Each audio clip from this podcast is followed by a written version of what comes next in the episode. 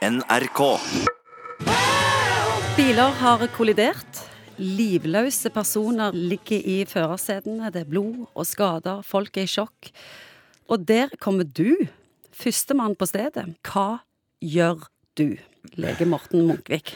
Ja, Dette er mange sin aller største skrekk. ja, jeg skjønner det. Du kommer rundt svingen, og der har det skjedd en ulykke. Og du ser at dette er alvorlig, og det første du tenker er at her burde jo ikke jeg vært. Ja, Og det er nærliggende å bli helt lamma og livredde. Ja, ja. Og det gjelder jo alle. Det gjelder òg helsepersonell. Helsepersonell òg? Ja visst. Det skjer ikke ofte at man havner i de situasjonene hvor det er viktig at man setter i gang med livreddende tiltak asap zulu. Man kommer ikke i de situasjonene så veldig, veldig ofte. Og da er det ekstremt viktig å prøve å ha tenkt gjennom enkle spilleregler i forkant. Gi oss noen enkle Ja, spilleregler. Jeg skal, jeg skal gjøre det. Når man kommer til et ulykkessted, så er det det første som er viktig, er jo hvis du er helt først, å få bare sikre stedet, sånn at hvis du kommer rundt svingen og det kommer brått på, sette opp en varselstrekant. Så det er gjort. Og så får du noen andre i bilen kanskje til å ringe til hjelp. Eller noen som kommer etterpå.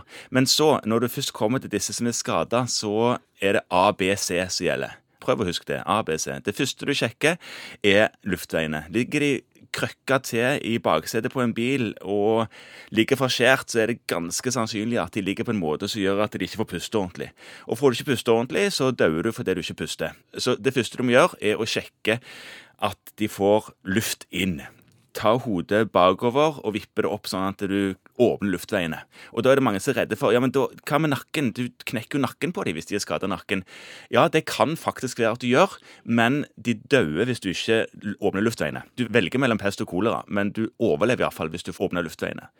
B-en er bevissthet, så sjekk om de er ved bevissthet.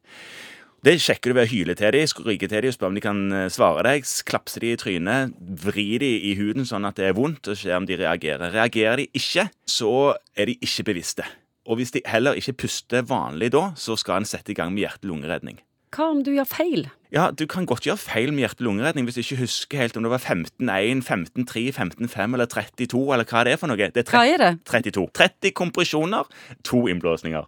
Yes. 30 kompresjoner, og to innblåsninger. Hvis du ikke husker bedre av det, og er redd for å gjøre feil, så gjør du kun kompresjoner. Hvis det ligger mange der i bilen, Ja, sant? De som ikke roper etter hjelp, de som er helt tause, de trenger ofte hjelp mer enn de som hyler høyt. For de som hyler høyt, har nå iallfall kraft og energi nok til å gjøre akkurat det. Men de som er rolige, de puster kanskje ikke engang. mange som har vært med å redde andre, eller prøvd å redde noen, men som faktisk døde likevel, de har opplevd enorme traumer etterpå. Ja. De føler skyld. Ja. Hva har du å si til det? Det er en ganske gjengs følelse at når du har gjort alt du kan, og det ikke var godt nok, så får du fort en følelse av at du burde gjort mer. Det var et eller annet du glemte, det var noe du gjorde feil som gjorde at dette skjedde. Det er et enormt ansvar å ha et menneske sitt liv hvilende i dine hender. Ja, og der, der, det må debrifes i hvert enkelte tilfelle. Det er ingen enkel oppskrift som gjør at det er lett å ha mislykkes i den typen arbeid som det der er.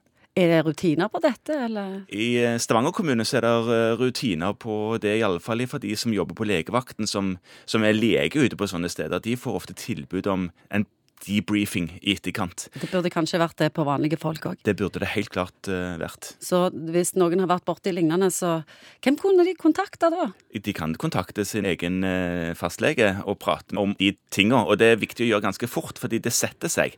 En følelse som er vond å bearbeide hvis det får gro seg fast. Hvordan eh, runder vi av dette? Hvordan konkluderer vi?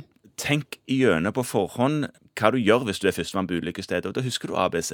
At du sjekker luftveiene, sjekker bevissthet og setter i gang med hjerte-lungeredning. Hvis de ikke puster normalt og er ubevisste, så har du gjort ekstremt mye riktig. Help me